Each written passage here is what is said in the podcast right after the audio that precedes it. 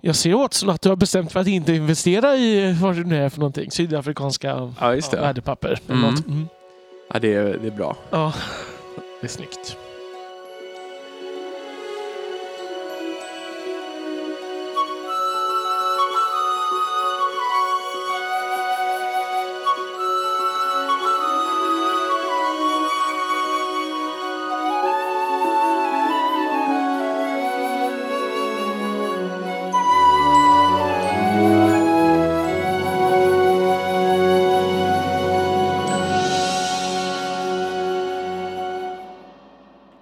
Och välkomna till det 51 avsnittet av Tolkien-podden. Eh, nu när ni hör det här så har ju sommaren börjat. Några av er har kanske gått på semester till och med. Eh, när vi spelar in det här är det inte midsommar än, men det är väldigt varmt Mm. idag. Och som ni kanske redan hör på ljudet så är vi faktiskt i samma rum igen. Yay! Seger! Woo! Ja, äntligen! Ja, mer än ett halvår i exil Ja, precis. från Daniels Som vardagsrum. i, i norra kungadömet. Ja, Precis. Ja. Ja. Mm. Ja, jämfört med här så är bor jag då i norra kungadömet Ja, kanske. ja. Ja. Ehm, men idag har vi tänkt oss ett ganska lättsamt ämne. Ehm, och förresten, vi kanske ska säga vilka vi är som vanligt. Adam, Elisabeth. Och Daniel. ja i alla fall. Eh, ämnet för dagen är ehm, lite kontrafaktiskt kan man säga och bygger på två lyssnarfrågor som vi har fått in. ehm, som handlar om vad som hade hänt om Sarman hade fått ringen och eh, vad som hade hänt om Digol hade tagit ringen av Smigol istället. Så vi tänkte att vi kan ha det som utgångspunkt eh, för en diskussion om liksom, att ta ringen och vad som hade hänt med olika personer. Mm. Mm. Det, är, det jag menar, du sa lite lättsamt. Det är ju, vad ska man säga, det är ju lättsamt ur vårt Ja, det är perspektiv. inte moraliskt Nej, lättsamt precis, kanske. Nej. precis, exakt. Men, men det kanske inte är ett sånt här extremt faktastint ämne som en del andra där vi måste sitta och göra massa an- anteckningar. Nej, precis, precis. Men innan vi kommer igång med det så har vi lite andra punkter som vanligt. Och först så har vi alltså en nyhet. Och det är ju ytterligare ett filmprojekt. Det är jättespännande. Ja, Eh, det ska alltså göras en animerad film om Rohirrim, alltså före, som utspelar sig före Lord of the Rings. specifikt om Helm Hammerhand. Ja, och det här är ju, kan ju bli hur, hur som helst, tänker Ja, jag. Precis, det kan gå mellan 1 och 10 i kvalitet. Ja, Vet vi någonting om eh, tidsplanen? Det kanske har kommit ut något, men det, jag har bara läst det lite snabbt faktiskt. Jag har inte riktigt hållit koll på det. Men det, min bild är väl att det här New Line Cinemas sätt att försöka casha in på ehm, att, eh, alltså den här Amazon-serien, Ja. helt enkelt. Att, att hålla sin egen lilla ekonomiska glöd Mm. vid liv. Mm, det är det säkert. Men jag tycker att det är spännande det här, för Helm Hammerhand, det finns tillräckligt mycket i den historien. Jag hade ju honom som Tolkien-profil en Mm, gång. Eh, och det, så man kanske kan gå tillbaka om man är nyfiken, om, om man inte eh, vet vad man ska titta själv. Men, men det är ju en ganska dramatisk historia som skulle vara ganska lätt att bygga ut tror jag. Mm. faktiskt. Och det, jag har hört att Filippa Boyens inblandad på något sätt. Mm. Som någon sorts rådgivare läste jag. Ja, vi får väl se vad det innebär. Mm. Ja. Samtidigt, jag ska ju erkänna nu, nu kommer jag säkert få hat och hot. Eh, jag är ju inte så förtjust i den här liksom animeringsstilen. Eh, Jag håller helt med dig. ehm, som dessutom har liksom spritt sig ju, så att det är ju den som är den... Det är den som gäller. Ja, Mm. exakt. Ehm, så vi får väl se hur det blir. Det, ja, animeringsstilar är ju antingen typ Pixar eller, Mm. eller japansk animestil. Men jag tänker att det kan ju också vara olika mycket så. Det kan ju vara Studio Ghiblis, eh, några av dem som är lite mer nedtonade eller Mm. det kan vara hela vägen så här Dragon Ball eller Naruto eller något sånt där. Så, Ja, ja, absolut. Det kan ju vara hög kvalitet. Men, men jag håller på att se en, eh, en serie på Netflix som heter Castlevania som handlar Mm. om vampyrer. Eh, och det som jag slås av är ju att bakgrunden alltid är sjukt snygga. Mm. Alltså det är otroligt så här. Men det är den här eh, ganska få bilder per sekund grejen som är med liksom själva karaktären. det blir nästan stop motion effekter. Ja, liksom. jag har väldigt svårt för det. Och så är det liksom Jag vet inte, det är lite kantigt och det är liksom ganska, för mig ganska uttryckslöst. Men det har jag ju säkert fel i. Men du, det hindrar dig ju inte att se och det du håller på att titta på nu. Nej, det gör det inte. Jag kommer väl se klart det, men det... Men jag, mm, ja, men det kunde varit bättre. Mm. Så tänker jag. Ja, men det ska bli intressant att se ändå Mm. eh, hur, hur det blir. Mm. Eh, jag är ovanligt öppen känner jag mig inuti Ja. för det här. Jag trodde att jag skulle vara mer negativ än vad jag känner i magkänslan. Ja, men det är ju för att det är ett ganska, vad ska man säga, det är ett smart val. Ja, Så, om man ska göra något. mm. jag, jag, tror att det kan bli en, en bra plott. Liksom. Mm. Och nästa sak vi ska hinna med innan vi kommer in på huvudrätten så är det ju Tolkien-tipset. Eh, och den här gången så är det Adams tur.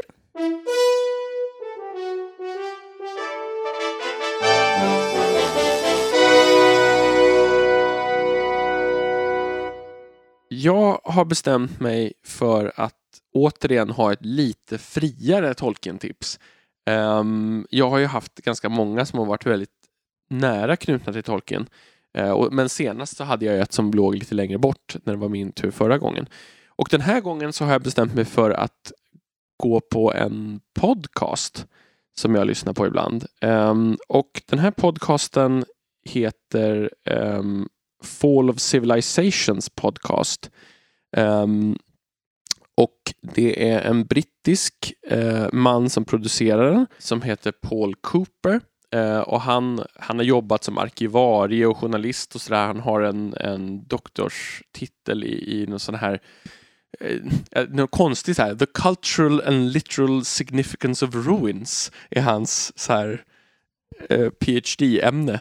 Jag vet inte in, inom riktigt vad, men i alla fall. Eh, podcasten bygger på idén att skildra slutfasen av ett samhälle. Um, ut, och han gör det, det är väldigt noga liksom, utifrån historiska källor och han liksom läser forskning så det är väldigt gediget så här. Och sen så har han uh, röstskådespelare som, som gör, läser olika urkunder och sådär liksom. Så, och är olika röster för personer som, som uh, för att dramatisera delar av det. Och sen så berättar han och sen så går han igenom olika teorier om vad som har hänt och sådär. Um, och avsnitten är ofta väldigt långa men han släpper dem väldigt sällan liksom, för att det är så mycket jobb med varje avsnitt. Mm. Så det finns bara, jag tror 13 avsnitt fortfarande. Eh, och han har hållit på ett tag. Men många avsnitt är, eh, alltså de första var bara kanske en och en halv timme men nu har han liksom krupit upp mot över tre timmar väldigt många gånger. Så att det, det längsta avsnittet som jag gjorde om aztekerna var fyra timmar och 14 minuter. Um, men, men jag kan bara sådär en liten lista på de här som man har gjort hittills. Han har gjort um, romerska Britannien, bronsålderskollapsen, mayafolket, vikingarna på Grönland, Khmerimperiet, eh, Påskön, Songhai-imperiet, sumererna, aztekerna, Han-dynastin i Kina, eh, Bysantinska riket, Inkariket och assyrierna. Mm. Spännande Ja, blandning. Det lät som någonting man... Mm. Och, och, och det, är, det, är väldigt, det är skönt, det är så här lugnt tempo, han liksom pratar, han har väldigt så här behaglig röst ehm, och förklarar väldigt bra, även om det är ganska djuplodande, tycker jag. Eh, så att det, den kan jag verkligen rekommendera. Jag tycker det finns ju någonting i det här som påminner mig om Tolkien. Dels för att det finns liksom ett djuplodande historiskt intresse med han pratar ofta om myt och sånt där också, hur folk tänkte själva kring det. Jag menar att man ska sätta sig in i, tänker hur det var att leva i en civilisation som var på väg att gå under. Så. Men sen finns det ju någonting i just det där med svunna civilisationer och en storhetstid som ligger bakom en. Det är ju ett tema som kommer in väldigt mycket hos Tolkien. Eh, och därför så tycker jag att det finns en ganska tydlig koppling på något sätt Mm. och hur viktigt det är att saker är gamla och att de är kopplade till det som har hänt förr och sådär. Och hans uppsats där du så, nämnde, som han, eller var det en doktorsavhandling? Jag förstår, Ja, ja, precis. Den känns ju också väldigt tolkensk måste jag säga. Ja, Ja, Precis. eh, så att det, jo, nej men, så jag, jag tror att det här är någonting som Tolkien själv hade kunnat uppskatta faktiskt. De här genomgångarna. Eh, och jag tycker ofta att det är den bredden han har gjort också, den är ju väldigt icke-eurocentrisk på det sättet att han, han har ju många liksom teman som, som ligger utanför det som har producerats jättemånga gånger också. Um, och samtidigt så tar han ju upp grupper som man, alltså det är ganska väntade mm. eh, som tas upp. Precis, och det är väl också att det finns, eh, vad heter det, det finns källmaterial ja. på dem mm. i, hög utsträckning. Så. Men till exempel det här avsnittet om bronsålderskollapsen som fanns andra, det är jätte, jätteväl gjort. För det är ett ganska stort och komplext och svårt ämne mm. eh, som jag tycker att man borde prata mer om mm. i populärhistoriska sammanhang. För att det är väldigt, väldigt intressant. Och det kan kanske vara relevant för vår tid också kring olika teorier kring antingen flyktingströmmar som leder till väpnad konflikt eller möjligen vet du, eh, geologiska orsaker eller sådär. Man vet fortfarande inte riktigt. Och, och, hur olika, alltså det är någonting som kan vara relevant i modern krishantering för man kan se liksom att det är ett nätverk av städer som har funnits under väldigt lång tid och allting bara rullar på och det ser jättebra ut och så helt plötsligt foff på några år så bara mm. packar allt ihop. Mm. Uh, och, hur, ja, och han går igenom väldigt bra hur, liksom, olika teorier som finns kring det och sådär. Så Just det. Mm. Så jag tycker att det finns också någon sorts samtidsrelevans kring att många pratar om framtida kriser och sådär och hur vi kan förhålla oss till dem. Intressant. Ja, kanske blir ett sånt avsnitt i sommar. Mm. Ja, men det kan jag rekommendera. Mm. Jag tror... Ett avsnitt räcker ungefär hela sommaren. Så att... ja, men de första är faktiskt bara, de är ett och en halv, en och en halv timme. Mm. Liksom. De är mm. som våra korta avsnitt. Ja, precis.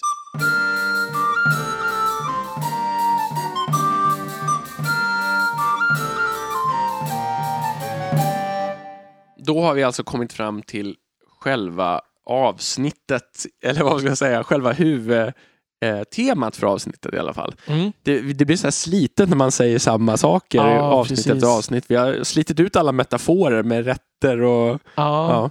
Så. Nu har vi lämnat hallen och gått in i själva vardagsrummet. Ja, det var ju faktiskt en ny metafor får jag säga. Um, och i detta vardagsrum, nej jag skojar.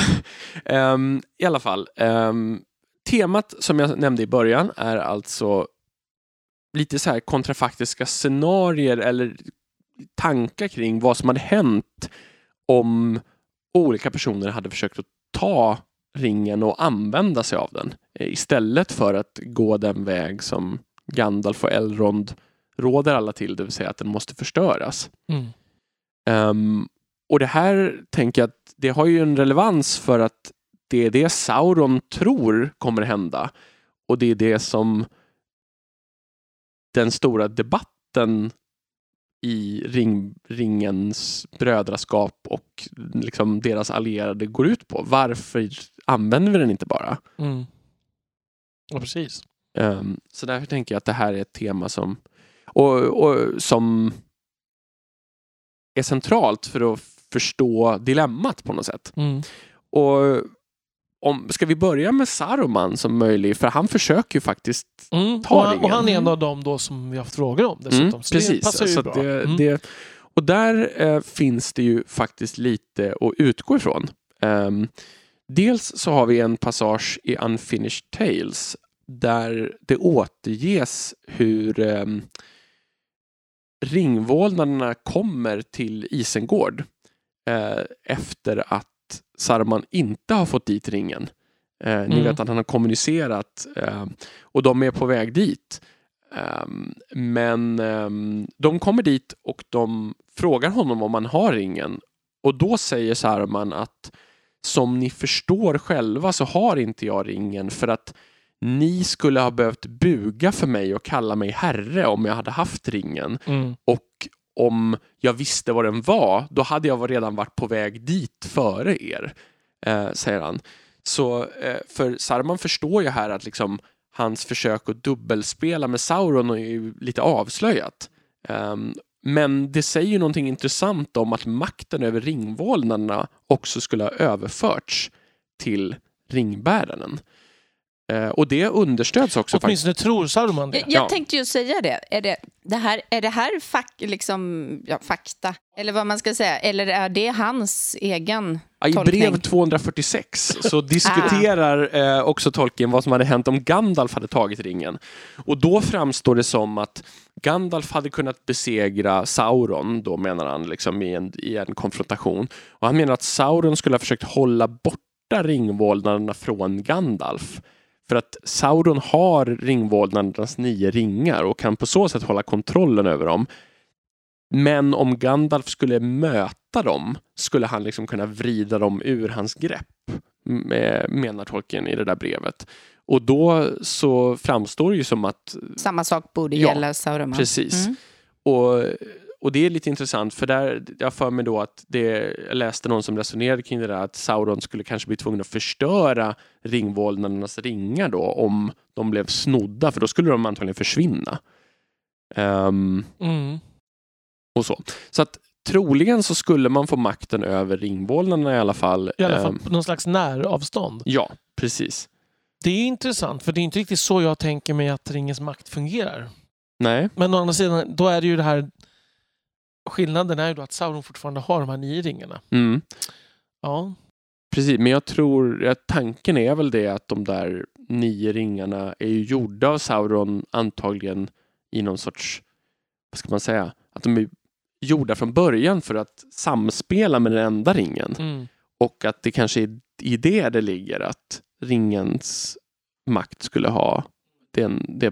För, för det skriver, Tolkien skriver, ett- om det är samma brev, han skriver i alla fall någonstans i Letters att um, det hade blivit problemet när ringvålnaderna kommer för att ta Frodo, de åtta kvarvarande, om Gollum inte hade varit i Mount Doom. Uh, då skriver han att ja, det hade blivit en konstig standoff för att det, det är en oerfar, det är ungefär som en oerfaren man med ett fruktansvärt vapen mot åtta som vet vad de gör men som är livrädda för det här vapnet som också har typ religiös eh, och ehm, traditionell betydelse för dem på något sätt. Så att Just det det. skulle bli en svår, liksom, hur skulle de kunna möta honom men han vet inte riktigt hur han skulle använda det här vapnet menar Tolkien i det där brevet då. Så att till och med han skulle kunna ha någon sorts chans att hålla dem ifrån sig baserat Mm. på ringens inflytande på dem. Men jag blir också lite fundersam, för det betyder ju alltså att Sauron har de här ringarna. Mm. De har de inte på sig. Nej. Och det är ju i sig lite märkligt, eller? Ja, Ja, när tog han dem tillbaka? Han har ju delat ut dem en gång. Mm. Han har ju inte sagt här är nio ringar, jag behåller dem. För då skulle han inte ha någon makt över nej. Nej, men för jag tänker att eh, de andra ringbärarna, jag menar eh, Gandalf, Galadriel eh, och Kirdan, de, de har ju sina på Nej, sig hela... Elrond. Kirdan har ju gett sin. Nej, just det, förlåt. Ja. Nu blandar jag ihop det här. Ja. Eh, just det, det är Elrond som har den tredje. Eh, Gandalf har Kirdans. Mm. Eh, men de bär ju dem på sig hela tiden. Den är, det, det är knutet till att de bär den. Så Mm. att, och, och just Kirdan till Gandalf, där blir det ju supertydligt att där övergår ju den. Ja, den makten på Ja. något sätt. Mm. Och då känns det ju... Ja, för min bild att det här gäller även dvärgringarna. Att de Ja. dvärgar som hade ringar hade de liksom i sin ägo. Ja, och då blir det ju lite konstigt om, om eh, de nio Ja, exakt. Lämnar in dem i bankfacket. Och, Ja, precis. Ja. I have I made you a, a ring, but uh, I will take care of it for you. Uh, you can trust me, I will keep it here in my uh, safety deposit box. Men det, ver- det verkar... Det var Sauron alltså, som nu blev en uh, belgisk skurk. Ället i pannan är så himla tydligt där. Precis. Men eh, det verkar som eh, att det är lite oklart exakt var de nio befinner sig. Mm. Ehm, att på, på Elrons rådslag så säger de dels att Sauron has gathered the nine to himself. Men det står på ett annat ställe också att the nine the Nazgul keep. Så det finns vissa som teoretiserar att det är så att eh, det är uppenbart att de inte har på sig dem hela tiden. För de nämns inte till exempel Nazgul när de möter They have them in the safety deposit box. Precis. Eh, och alltså det, det beskrivs aldrig, eh, till exempel när häxkungen dräps att han skulle haft en ring på sig och ingen diskuterar vart den kan ha tagit vägen eller något sånt Ja, där. Så att det, ver det verkar som att antingen så har Sauron dem hos sig permanent eller så får de ringarna ibland för vissa uppdrag. Men det, Ja, det låter lite töntigt. ja, det gör det. Ja. Jag tänker nog mer snarare då att Sauron har tagit tillbaka ringarna när de blev gastar på något Mm. sätt, eller vålnader. Och att makten, makten ändå på något sätt... Ja. Att Det här de ju- blir någon sorts, livs, de blir någon sorts horo, horokruxer för dem. Först, liksom, ja, som. Sauron har kontroll över. Och här skulle man ju säkert, om man hade ställt den här frågan i ett brev till tolken så hade han ju varit tvungen att komma på en lösning för det här. Ja. Men det kanske ingen frågade, helt enkelt. In, Inte vad vi det kan vara så att det finns någonstans, men Ja. i så fall så har inte jag koll på det i alla fall. Nej. Ehm, ja, men intressant. Eh, och då betyder det... Det jag funderar över då är ju såklart... Jag förstår ju att Saruman, om han fick makten över ringen, eller om han fick ringen helt Mm. enkelt, att han skulle utnyttja de nio. Mm. Liksom. Men Mm. det är ju inte säkert att de andra skulle ha gjort. Alltså det vet Nej. vi ju inte om man hade sett... Om Boromir hade fått ringen, hade han... Han hade säkert liksom börjat med att besegra de nio snarare. Mm. Alltså, som för, alltså han hade ju antagligen... För det är, ju, är väl min bild att man börjar på något sätt... Om man har ett gott, upp, gott uppsåt så börjar Mm. man med det goda uppsåtet. Ja, och Gandalf menar ju på något sätt, han säger ju också det på något sätt att ju godare uppsåt man har från början, desto längre tid tar det innan man blir Mm. liksom dras ner i mörkret. Det. Men det är ju den här klassiska makt korrumperar tanken. Ja. Ehm, att att till, till slut hamnar man i ändamålet helga medlen och börjar göra saker som i sig är onda. Mm. Tänker jag att det är så han menar rent moraliskt. Men det är intressant med Saruman för, att, för han, han fördärvas ju av ringens makt på något sätt innan han ens har den. Ja. Alltså det är ändå ringens makt som korrumperar honom men på, men på håll. Ja, det intressanta är att han börjar ju läsa på om ring, ringen, Ja. om ringlore och sånt där. Ja, Och det verkar i sig vara dåligt för honom. Det är lite det här med förbjuden kunskap nästan. ja precis. Mm. Så att, ja men det är lite intressant. Eh, Eller väldigt intressant till och med. Eh, men, men, och det betyder att Saruman, ja han har ju nästan som uttalat att han skulle bli en ny Dark Lord. Ja, Alltså, ja, absolut. Och jag tror att det var hans mål. Alltså Mm. han låtsas ju samarbeta med Sauron för att utmanövrera Sauron, Mm. tänker jag mig. Och det, men frågan är vad som, hans slutgiltiga mål är väl då att, liksom att styra världen, antar Ja. jag.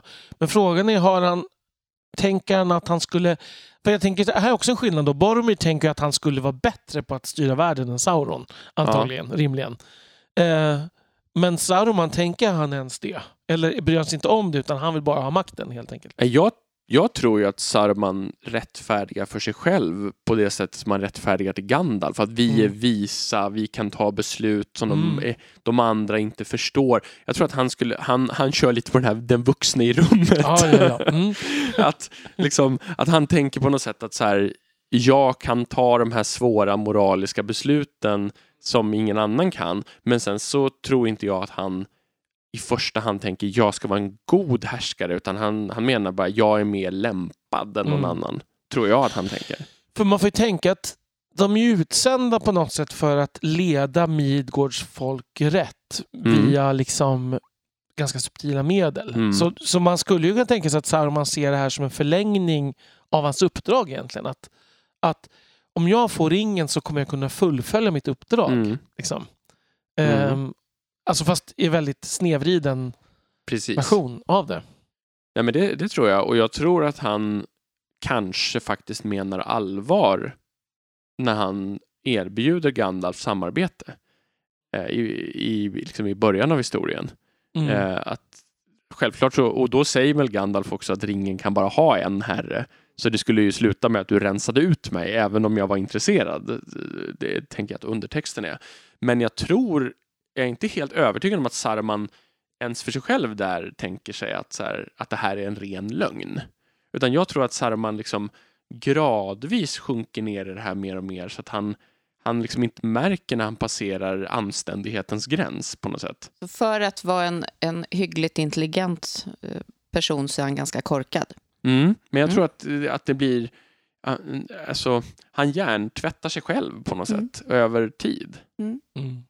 Mm. Det är ju inte helt ovanligt med den här typen av ondskefulla, om jag får använda det, i vår, vår värld, liksom härskartyper, att de har brister. Alltså, för det är det som gör att de Ja. inte lyckas i det oändliga. Mm. Tänker jag.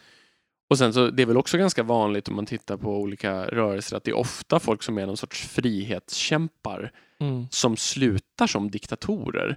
Mm. För att det blir på något sätt så här, ja men i det här läget så måste de här besluten tas och jag måste hålla kvar vid makten och kan inte ha fria val för då blir vi bortkuppade av våra politiska motståndare och sen så plötsligt sitter man där eh, Mm. och är Sauron. Mm. Nej, men liksom, Ja, jag, jag tror att det är inte så ovanligt Nej, eh, det- i verkligheten heller faktiskt. Det är, är nog snarare väldigt vanligt. Ja, och, att- och Mm. att det faktiskt från början att inte personen tänker att nu ska jag bli en ond diktator. Liksom, Mm. Jag tror det är få ens onda diktatorer som, som har det målet och den självbilden. Och inte, inte bara på den nivån, utan även mycket terrorism. Och, alltså, vi kan Mm. ju gå in på det mesta, så Precis. hamnar vi ju där att man tar till medel för att eh, nå ett mål som kanske är ädelt i sig i sin egen värld. Men Mm. Mm. Precis. Och, och det där är ju intressant för här pinpointar vi ju att Tolkien hatar ju ändamålet helga medlen. Det, är Mm. ju, det är ju nästan det han tycker allra sämst om av allt. Han tar ju upp Mm. det spe- specifikt som det här är vägen till mörkret. mm. Mm. Det är nästan hans motsvarighet mot eh, Star Wars, liksom det här med fear leads to anger och så vidare. Mm. Mm. Verkligen.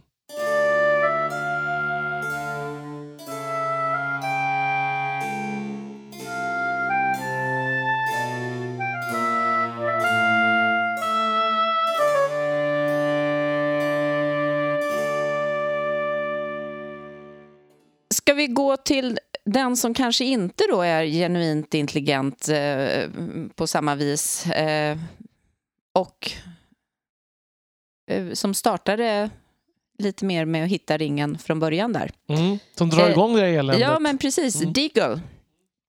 Eh, det har vi också fått en fråga om.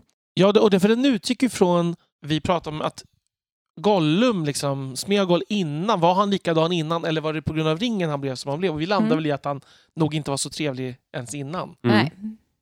Sannolikt så var väl han snäppet mindre trevlig med tanke på att han direkt tog till Ja. eh, drastiska åtgärder för att ta ringen. Mm.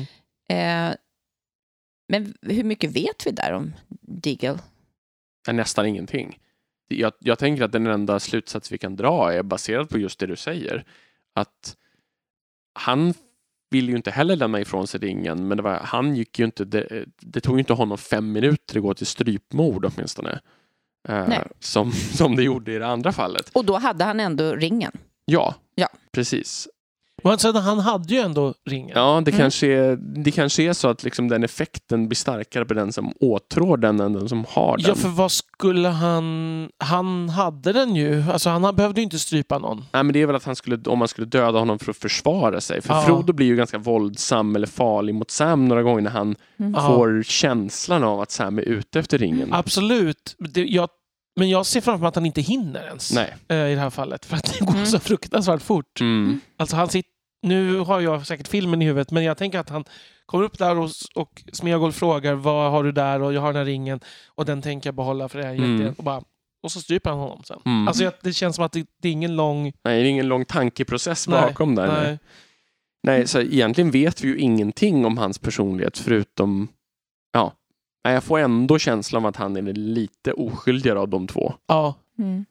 okej. så Diagol är, har vi just kollat upp. Kan vi, vi kan vara öppna och transparenta och Mm. säga eh, att Diagol betyder alltså den som gömmer någonting som är hemlighetsfull och Smeagol är den som gräver sig ner. Och Mm. liksom, Och det är ungefär det som händer. Liksom. Ja, ja.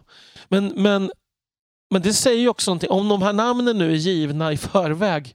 Det här är också intressant för att namnet då skulle, ja, hur det påverkar personligheten. Men, men Det kanske är jag, är som, som jag vet att smeknamn i till exempel Thailand får man efter, eh, efter något år. Eller Ja. sådär. Att, att det är någonting som man ser en egenskap hos en och person. så kanske det var här. Kan vi, det kan vara. ju, vi kan ju spekulera i det, att Mm. det verkar ju Mm. rimligare om de nu eh, så. Men, Ja. men då är ju han också en, en, något av en eh, lurifax, alltså får man ju ändå säga, genom Mm. sitt namn. Alltså någon som håller saker hemligt. Han hade ju säkert... Hade han hittat ringen, hade han varit ute själv och fiskat, Mm. eller ensam ska jag säga, eh, så hade han ju- ju antagligen hållit ringen hemlig för Mm. Smeagol. Ja, det, det tror jag också. Mm. Mm. Men, men mer är det svårt att säga, tänker jag. Ja. Utifrån, nu har vi, ju- när vi, en, liksom, vi har gått ner till och med på namnnivå för att försöka analysera vad han... Men jag tror att han kanske, om vi tittar på vad som faktiskt händer med Smeagol eller Gollum, Mm. så försöker ju inte han gå ut på någon sån här världserövrar eh, vad ska man säga, äventyr, utan han gömmer sig undan sen också och Mm. använder den till illdåd, men ganska små sådana. Och Diegol hade nog också bara liksom krupit undan från världens blickar, tänker jag mig. Mm. Ja, det hade nog varit ganska lika. Mm, jag tror Fast det. kanske en annan liksom, process såklart på vägen. Mm. Men, Precis. Eh, och, och där kan det vara intressant att jämföra till exempel med Sams visioner av, ehm, av att ta ringen. mm. Eh, och då får ju han det här att han ska bli en stor furste och by, bygga trädgårdar och allt sånt där. Men, men det Sam sen inser är ju att det här är ju bara larv. Mm. Alltså, och det tror jag är en sån där skillnad på något sätt att Sam är så mycket hobbitsk att han kan fatta att till och med med en maktring så är det här avlägset. Medan de som redan är furstar och lite övermänniskor de har ingen sån spärr överhuvudtaget. Där känns det fullt realistiskt för dem att de skulle kunna vara.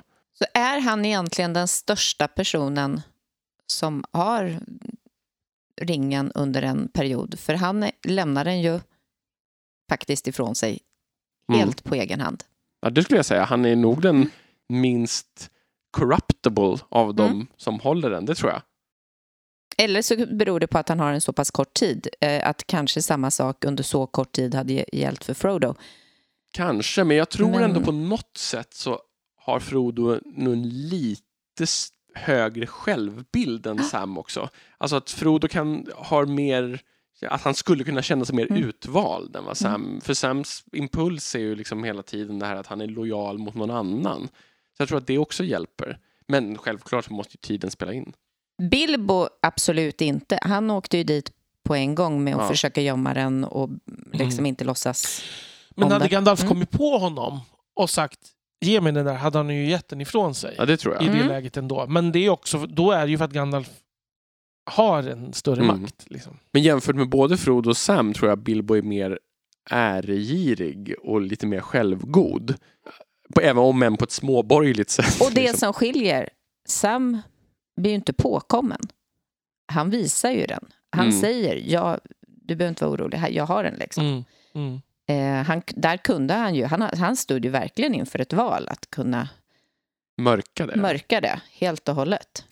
Men, men här är det ju så att han ju är påminn om en annan person i den här boken som ju inte heller tar ingen, nämligen Faramir. Mm. Mm. Och det här är ju, måste vi kanske nämna det där med filmen. Att Faramir är ju mycket mer ovillig att ta ringen i böckerna. Ja, I filmerna fram är han ju mycket mer frestad. precis. För vissa lyssnare kanske inte har... Nej, exakt. Skillnaden, alltså likheten mellan Faramir och Sam är att båda mer ute efter att vara lojala mot någon annan än att skapa egen ära Mm. för sig själv. Mm. Alltså Faramir är ju inte intresserad av ära egentligen på det sättet utan han är lojal mot riket och sin far. Mm.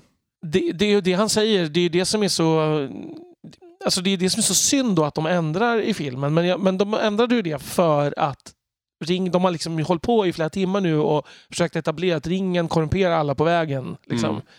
Eh, men här är en som säger nu citerar jag typ Filippa Boys. Här kommer en person som säger låg den vid vägkanten skulle inte plocka upp den. Mm. Hur kommer det sig? Liksom? Det är ju så. När vi nu Mm. har, och då, då kunde man ju valt att helt enkelt försöka förklara varför i filmen också, kan jag ju tycka. Istället för en lång utflykt till Mm. Osgiliath. Men, men det måste ju bottna i samma egenskap som hos Sam, tänker jag. Ja. Och de är ju inte helt olika heller. Nej. Alltså tycker jag. Det finns ju någonting väldigt så här ärligt och öppet och rättframt Mm. förutom lojalt liksom Mm. med dem. De, de är helt transparenta ju Mm. i böckerna. Båda de kommer ju liksom i en situation där de... Ja, Sam tvingas ta den. Um, och, och Faramir, han har möjlighet att ta den. Mm. Så kan vi väl säga. Eh, men sen så finns det ju två som erbjuds den. Det är väl bara två, va? Det är väl bara Galadriel och Ja. Gandalf, va? Mm. Tror jag. Mm. De erbjuds ju faktiskt den Mm. och säger nej.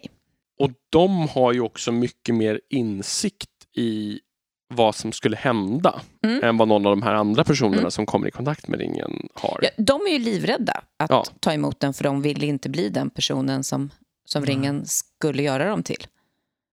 Nej, och jag tänker ju att en skillnad mot Faramir det är att jag har en känsla att Faramir i princip inte är frestad ens att ta ringen. Nej. Han gör inte ett moraliskt ställningstagande i princip. Mm. Utan han, det för honom är så självklart, jag tar inte den här. Men, men både Gandalf och Galadriel är ju... Och, och Galadriel är ju så uppenbart. Det han, hela scenen handlar om att hon är frestad att ta Mm, den. mm. Mm. Eh, men väljer att hon gör ju en, hon har ju en, hon gör ju en moralisk seger, eller vinner en moralisk seger. Där. Mm. Ehm, och det gör ju Gandalf också, fast det går liksom hastigare förbi någonstans. Jag tror ju hon är mer frestad än vad Gandalf är. Ja, Faktiskt. men hon är ju också inte ett... Alltså de är ju, de är ju helt olika personlighetstyper. Absolut. Hon, hon är ju en maktfigur, uttalad Mm. maktfigur. Mm. Gandalf är ju där för att, inte för att styra på det sättet. Nej. Liksom. Nej, och han är den enda som är sann mot sitt uppdrag som bygger just på att inte bli en sån figur. Mm. Alltså, så det är ju, han har ju andra förutsättningar. Plus att han dessutom som sagt är ett väsen. Eh, och det, det hjälper ju inte för Saruman och inte för en del andra heller. Men man- det kanske ändå skulle kunna vara så att man, har, man är mindre känslig för vissa liksom, sorters världslig påverkan. Hon har ju inte ett uppdrag. Nej. hon är Nej. inte skyldig någon någonting. Nej. Eh, hon kan ju ta den här ringen. Hon har inte sagt att hon inte ska... Nej. Alltså, Mm. Nej. och, sen, och sen använder hon ju redan sin ring i viss mån för att, vad ska man säga, för att ha en viss makt, även Mm. om det än är lokalt. Liksom. Mm.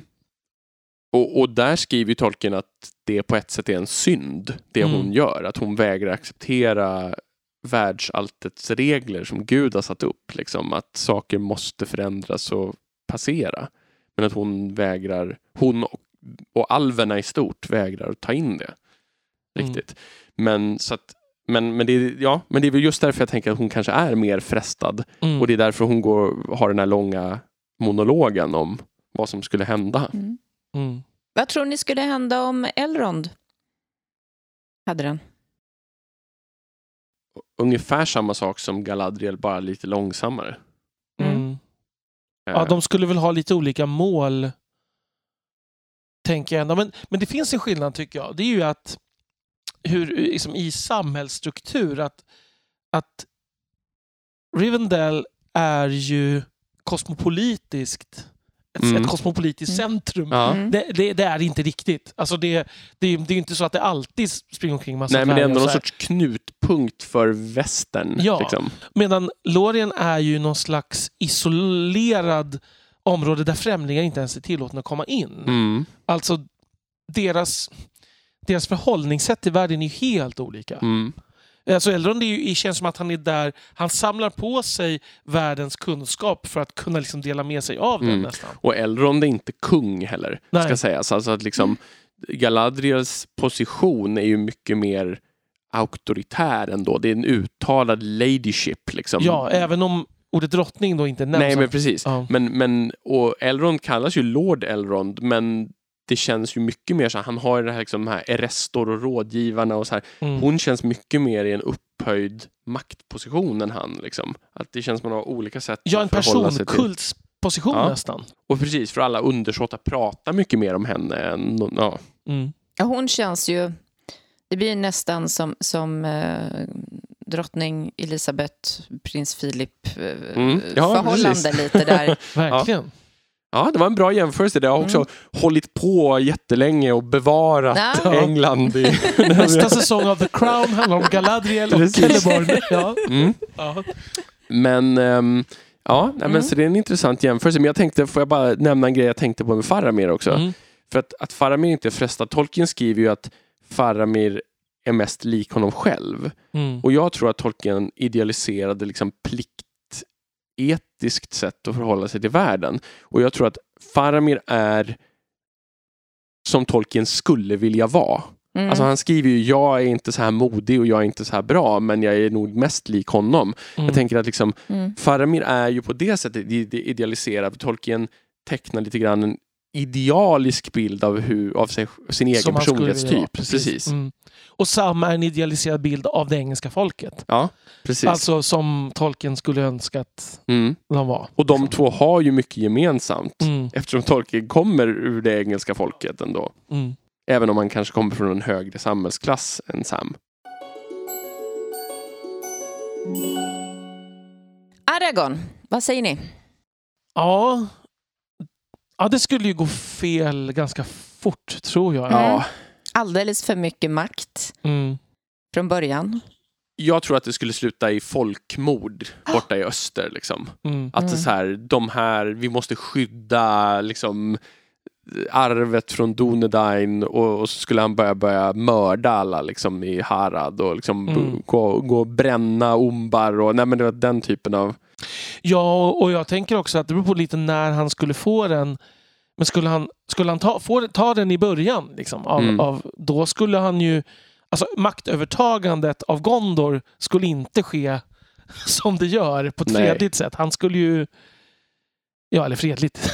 det är det ju inte eftersom det är mitt i krig. Som, Mm. men, men han skulle vara den som driver krig. Han skulle ju... Ja, precis. Men hur det nu skulle gå till. Han kanske inte... Skulle, Han kanske inte ens skulle ta sig till Rivendell. Om man skulle ta ringen från Frodo på The Prancing Pony, Ja, då skulle han liksom... nej, det är precis. Jag undrar om det så, undrar om det går att få ringvålnaderna att förstöra sig själva med den där makten. Mm. För i så fall så skulle det kunna vara som att han tog ringen på The Prancing Pony skulle säga åt ringvålnaderna att begå självmord. Mm. Liksom. Mm. Om det, jag vet inte om det går ens, men om det skulle gå. Han skulle ju kunna vara en sån som kan göra det. Ja.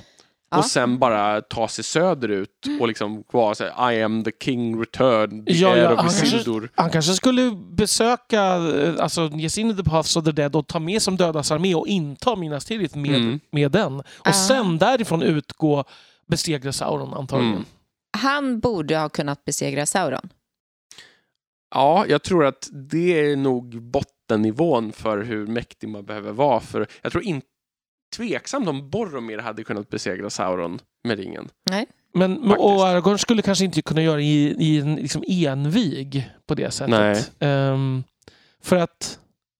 Men bevisligen eh, eh, kung Arfarason som besegrar Sauron Mm. och tvingar honom med sig som fånge. Precis, men där är det ju oklart hur vad som hade hänt om Sauron faktiskt hade gått i full konfrontation. För där ser han ju att Mm. det kanske är klokare av mig att följa med. Ehm, Men jag undrar om inte Sauron hade kunnat manipulera Aragorn också. Ja, absolut. Det kanske, Mm. absolut.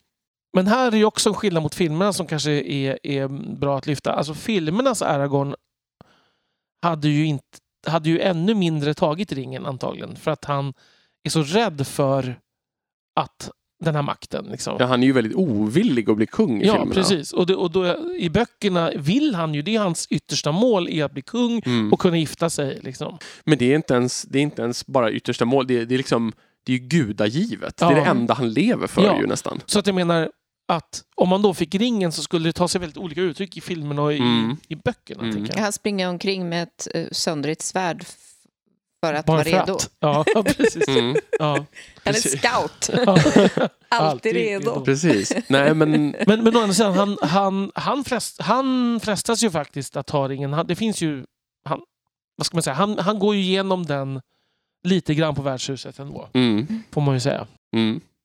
han bollar med tanken i alla fall. Ja. Även om han kanske aldrig... Han skulle inte erkänna efteråt att det, att det var så seriöst. Nej, nej exakt. Ehm, ja, nej men det är, det är en intressant grej för att det är ju som du, det där du sa med att Sauron skulle manipulera folk. Om man tittar på biten med Saurons mun Mm. i, eller Saurons språkrör beroende på vilken översättning man använder eh, i, i böckerna så ser man ju att Sauron är mycket mer politiskt driven än vad, vad, man, vad han framstår som tidigare eller i filmerna överhuvudtaget. Liksom Mm. att han håller på och framställer det som att det här är en aggression mot Mordor och att liksom Ja, men jag kan tänka mig en... Jag kan fortfarande vara stor nog och tänka mig en uppgörelse om ni drar er tillbaka och det blir en demilitar demilitariserad zon öster om bergen och sådär. Mm. Liksom, så någonting sånt hade han ju försökt på Aragorn. Ja, det är klart. Det är klart. Och det, men det är också intressant att, att Sauron just är en, en politisk spelare. Mm, som det du- säger en del om Tolkien. Ja, ja. Ja. Och det säger också någonting om att Tolkien menar att den nedärvda makten är godare än den som en karriärpolitikers makt på ett sätt. För att den återvändande kungablodet det kommer leda landet rätt. Mm. Men den politiska spelaren är ute efter ondska och världsdominans. ja, för den vill ju bli vald. Ja. En, en, kung, det är ju en plikt bara. Liksom. Ja. Det, är ju, det, är inget, inte, har inget med vilja att göra. Nej. Um, apropå, återigen, apropå The Crown. Nej, jag skojar. Ja. Nej, men liksom... Jag vet inte om vi skriver under på den här bilden Nej. att vi borde gå tillbaka till att styras av blodets rätt. Eh, nej, vi kanske ska säga det att det här är inte är våra åsikter.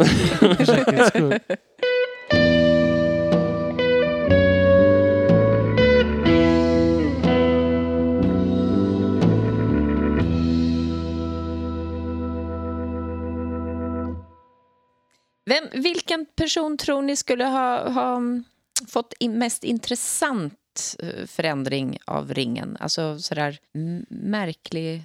Det hade ju varit Utveckling. intressant vad som hade hänt om någon av dvärgarna hade fått ringen. För Mm. dvärgarna Mm. får ju en... Det beskrivs ju som att de sju ringarna har ju inte rätt effekt på dem. Sauron ger ju de ringarna och tänker att han ska förslava dem som människorna men de är för motståndskraftiga. Mm. Däremot så får de ju liksom personlighetsdefekter av det här. Så jag tror att det skulle ju det skulle bli en väldigt hård för antisauronsk politik som sen skulle spåra ur i någon sorts liksom det, det kanske påminner lite grann om människorna men jag tror ändå att det skulle vara lite mer vad ska man säga, isolationistiskt, mindre politiskt spelande, bara så här. Skulle inte deras girighet äta upp dem i Jo. många fall? Mm. Precis. Men kanske inte påverka hela världen på samma sätt, utan de skulle... Det är inte säkert att de skulle tåga mot Mordor själv. direkt. Nej. Mm. Nej. Björn. Oh, det var intressant. Alltså jag tror ju ändå att hans stora svaghet är ju vreden och liksom Ja. våldet. Ja. Så jag tror ju att... och Han skulle kunna bli riktigt farlig. ja, men han skulle ju gå på folkmordsspree mot... Han skulle först mörda alla orker liksom. Mm. Och sen så skulle han nog börja rensa ut alla som på något sätt började liksom kritiserade eller ifrågasatte det De här. skulle samla alla bikupor och all honung i hela Midgård. ja, Midgårds Nalle exakt. exakt. Ja. Så är det. Han skulle, det skulle kunna vara att han mer, mindre och mindre var, blev, var i sin människogestalt och blev mer och mer björn. Mm. Ja. Mm. ja. Om man tänker på alverna generellt så tror jag att det skulle bli en väldigt rasistisk underton det här med liksom Mm. Och lite samma argument som, som Sarumans att liksom vi är mer lämpade att styra. Vi är, Vem skulle vara minst charmig då med den? Av alverna? Jag, har, jag har, tror jag vet vem jag tänker. Thranduil kanske. Mm. Eh, Ja, antagligen. Ja, ehm, det är nog, eh, ja.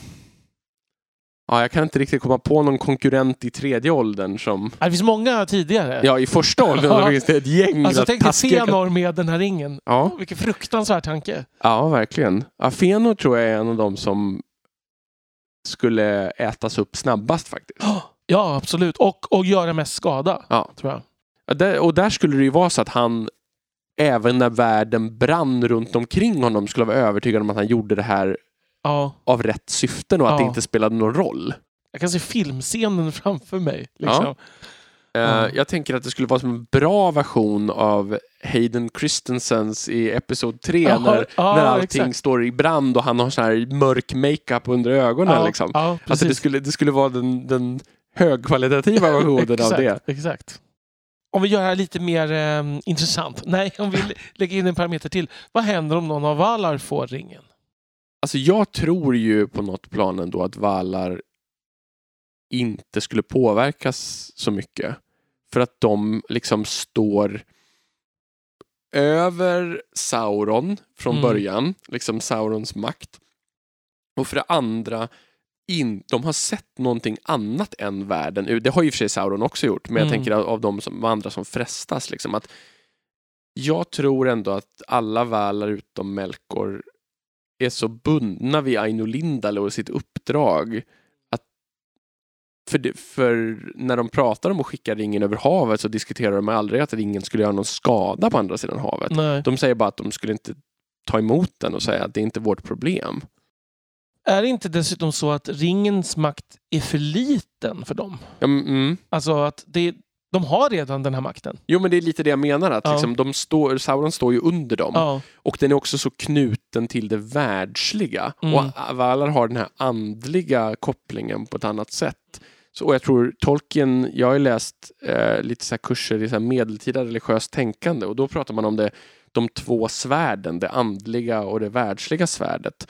Och under medeltiden så såg man det väldigt ofta som att liksom all religiös makt stod egentligen över den världsliga makten Mm. på något plan. Och det här är ett, sen något som börjar skifta mot senmedeltiden. Mm.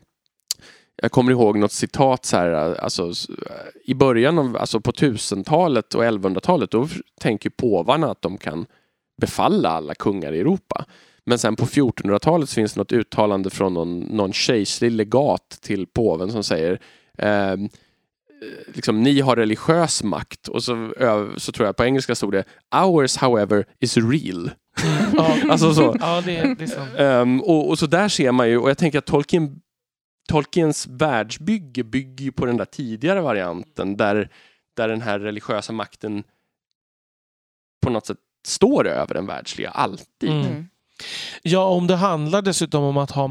Jag menar, om det ringen frestar med är makt. Har man redan all makt som finns? Och jag tror också att Valar frestades ju redan i början så att säga. Mm. Melkor föll ju för en frestelse när han såg den makt han kunde få. De andra har ju redan stått emot den typen av test en gång, tänker jag. Alltså på, på något rent religiöst plan. Så de, de har ju redan visat sig inte vara intresserade. Det som Tolkien säger, vi har ju diskuterat det någon gång, sådär att Sauron kanske skulle ha besegrat Melkor i ett envig Mm. i slutet därför att Melkor hade hällt all sin kraft in i att kontrollera världen. Han Mm, säger, mm. Christopher Tolkien skriver att världen är Morgoths ring. Eh, men det har ju inte de andra Valar gjort. Mm. Nej. De sitter ju på sina kraftbaser fortfarande. Mm. Mm. Tom Bombadil då? Nej, han hade inte brytt sig. Nej, den har ju ingen... Den har ju ingen Makt makt, över honom. över honom. Nej. Men skulle den kunna... Nej, Skulle han kunna ha makt över den? Nej, jag tror inte det. Nej jag tror att De, de, är är helt helt... frikopplade. Ja. Ja.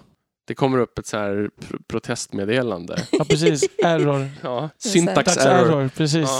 Ja. Plexiglas emellan. Ja. Ja, nej men jag tror att bara det sker ingen Synergi. interaktion. Liksom. Nej, Ja. precis. Mm. Det händer ingenting. Nej. Det är isolerat emellan. Ja. Mm. För han står liksom utanför universum på ett sätt. Ja. Och den som undrar mer om det här kan gå tillbaka till vårt avsnitt av Tom Bombadil. Jag lyssnade faktiskt igenom det för inte så jättelänge sedan så jag Mm. hade det lite i bakhuvudet här. Att vi, vi prat, du pratar ju väldigt mycket om det framförallt Daniel, att Tom Bombadil liksom är så avskild även om han befinner sig där. Så, Mm. Och då, då tänker jag att det är just på det sättet. Ingenting i världen, jag tror inte Tom kan dö heller till Nej. exempel. Han kan inte råka ramla ner för en klyfta och slå ihjäl sig. Liksom. Nej. Han Nej. skulle För han studsa lite. Han lever inte, liksom. han är Nej. inte där egentligen på det Nej. sättet. Okej, en, en spännande tanke till då. Någon av orkerna, de är ju liksom både självständiga och under Sauron, men inte under ringen nödvändigtvis. Och om de då skulle ha ringen, De, de skulle ju... Alltså en, en lokal ork skulle ju till att börja med skaffa sig makt över sitt, liksom, sin, vad ska man kalla det? Bataljon. Stam eller- ja. ja. Ja. och samtliga runt om skulle försöka knivhugga honom i Ja, ryggen. precis, och skulle misslyckas Ja. antagligen. Och de skulle, men de skulle ju falla till föga. Där Ja. skulle ju ringen hamna hos Sauron. Ja, de, skulle ingen av dem skulle klara av det, nej, tror jag. nej, precis. Eh, För då skulle den vara så nära Sauron. Och ringen vill ju tillbaka till Sauron. är ju Mm, dessutom mm. en aspekt som vi inte heller har nämnt. Nej. Pre- precis, men jag tänker att ringen, om ringen vill motarbeta bäraren så är det bara de med större inre kraft som kan bända den till sin egen vilja. Liksom. Ja, ja, Och det tror jag inte någon av orkerna har. nej. För de är också följare på ett annat sätt. Mm. Och jag vill ifrågasätta lite bara där utgångspunkten för att när ringen förstörs så tappar ju Saurons arméer hela sin styrsel på ett sätt som inte bara är förvirring utan de verkar också vara faktiskt har varit, alltså det är som att de vaknar upp ur en trans beskrivs det. det som. Mm. Så att någon typ av skillnad hade det ändå gjort Just det. tänker jag. Tror Mm. jag. För att Mm. ringen har varit ett, eh, ett sätt som har gett honom någon sorts liksom, helhetsgrepp över sina underhuggare, tror jag. Mm. Alltså, ja, ganska, ja, ganska likt eh, Galadriels makt över sitt land. Mm. Alltså, att det, det, Precis. ja, fast man ut, de utnyttjar, utnyttjar det på väldigt olika sätt. Ja. Mm. Ehm, nej, det där är bara alvisk propaganda. Ja, Ja. ja. exakt. Har, har du ta, varit inne i Mordor? Och, nej, Ja, ja. nej, men um, vad heter det?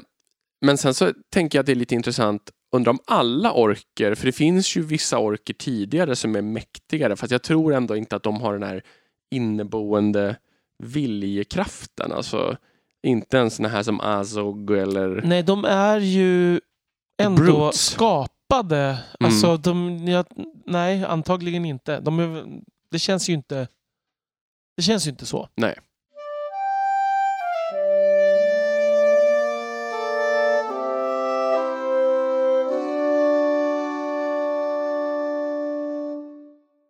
Kan man tänka sig någon, någon ytterligare sådär... Balrogen. Ja, det är faktiskt rätt, rätt intressant. Jag tror att den ju skulle försöka få tillbaka Melkor snarare faktiskt, än att styra själv. Mm. För de är så otroligt lojala mot Melkor och till och med liksom Ja, Men de känns ju inte alls lojala mot Sauron. och de framstår inte heller som politiskt, maktpolitiskt fokuserade för att alltså om man tittar på allt Tolkien har skrivit så är det så att Balrogerna kommer i princip aldrig ut. Alltså att Balrogerna kommer ut och dräper Fëanor eh, och de kommer ut och räddar Melkor från, eh, från Ungoliant. Men det är ju bara i krislägen de Mm. överhuvudtaget visar sig ovan jord. Och sen så Gandalf konfronterar den nere i Moria och liksom sen konfronteras de flesta Balroger liksom. De kommer ut när eh, de kommenderas till Gondolin. Mm. Det är väl det, men, men det känns inte då kanske som att Balrogen skulle ha så stort inneboende drivkraft och erövra världen på det sättet. Den kanske också är mer andligt orienterad fast på ett mörkt sätt. Liksom. En annan så här lite obskyr eh, variant av varelse, Smaug. Ja, Nu börjar vi komma till det där där det skulle se fånigt ut. Mm. Men, men man får väl föreställa sig att även typ örnarna och drakarna skulle kunna bära ringen eftersom vi har ju fått massa Ja, om frågor om Balrogen Gwaihir. kan så... Mm. Ja. Mm. Men Balrogen kan ju skifta form helt och hållet verkar det ju som. Mm. Och den är ju humanoid i sin gestalt ändå. Mm. På något sätt känns det mindre fånigt att Balrogen skulle sätta på sig ringen än att en örn eller drake skulle sätta på sig ringen, tycker jag i alla fall. Mm. Kanske. Men, men man får väl inte utesluta möjligheten. Ja, Smaug hade väl fallit för samma sak som dvärgarna. Han hade ju bara, Ja, för mycket ha-begär. ja, Alltså, han, han hade inte bara nöjt sig med ett Joakim von Anka-berg. Han hade ju velat liksom ha alla världens rikedomar. mm. Men han är ju inte heller styrd... Alltså, han, han, jag tror han struntar fullständigt i Sauron. Så att Ja, den kopplingen finns ju inte där. Nej. men Morgoth har ju kontroll över drakarna. Frågan är om Sauron ens har liksom kapaciteten att styra väsen som Balrog och drakar. Mm. För de är ju liksom mer jämlika Ja, med honom precis. från början. Mm. Så det är väl lite, jag associerar till att när, när Alexander den store dör så liksom lyckas ingen av de andra ta över som, som utan riket splittras upp i, Ja, exakt. i alla de olika generalerna får varsin mini-imperium. Lite så tänker jag mig att det blir när Melkor försvinner. Att ingen av de andra ser någon i sin krets som värdig att Nej. ta Nej, precis. platsen.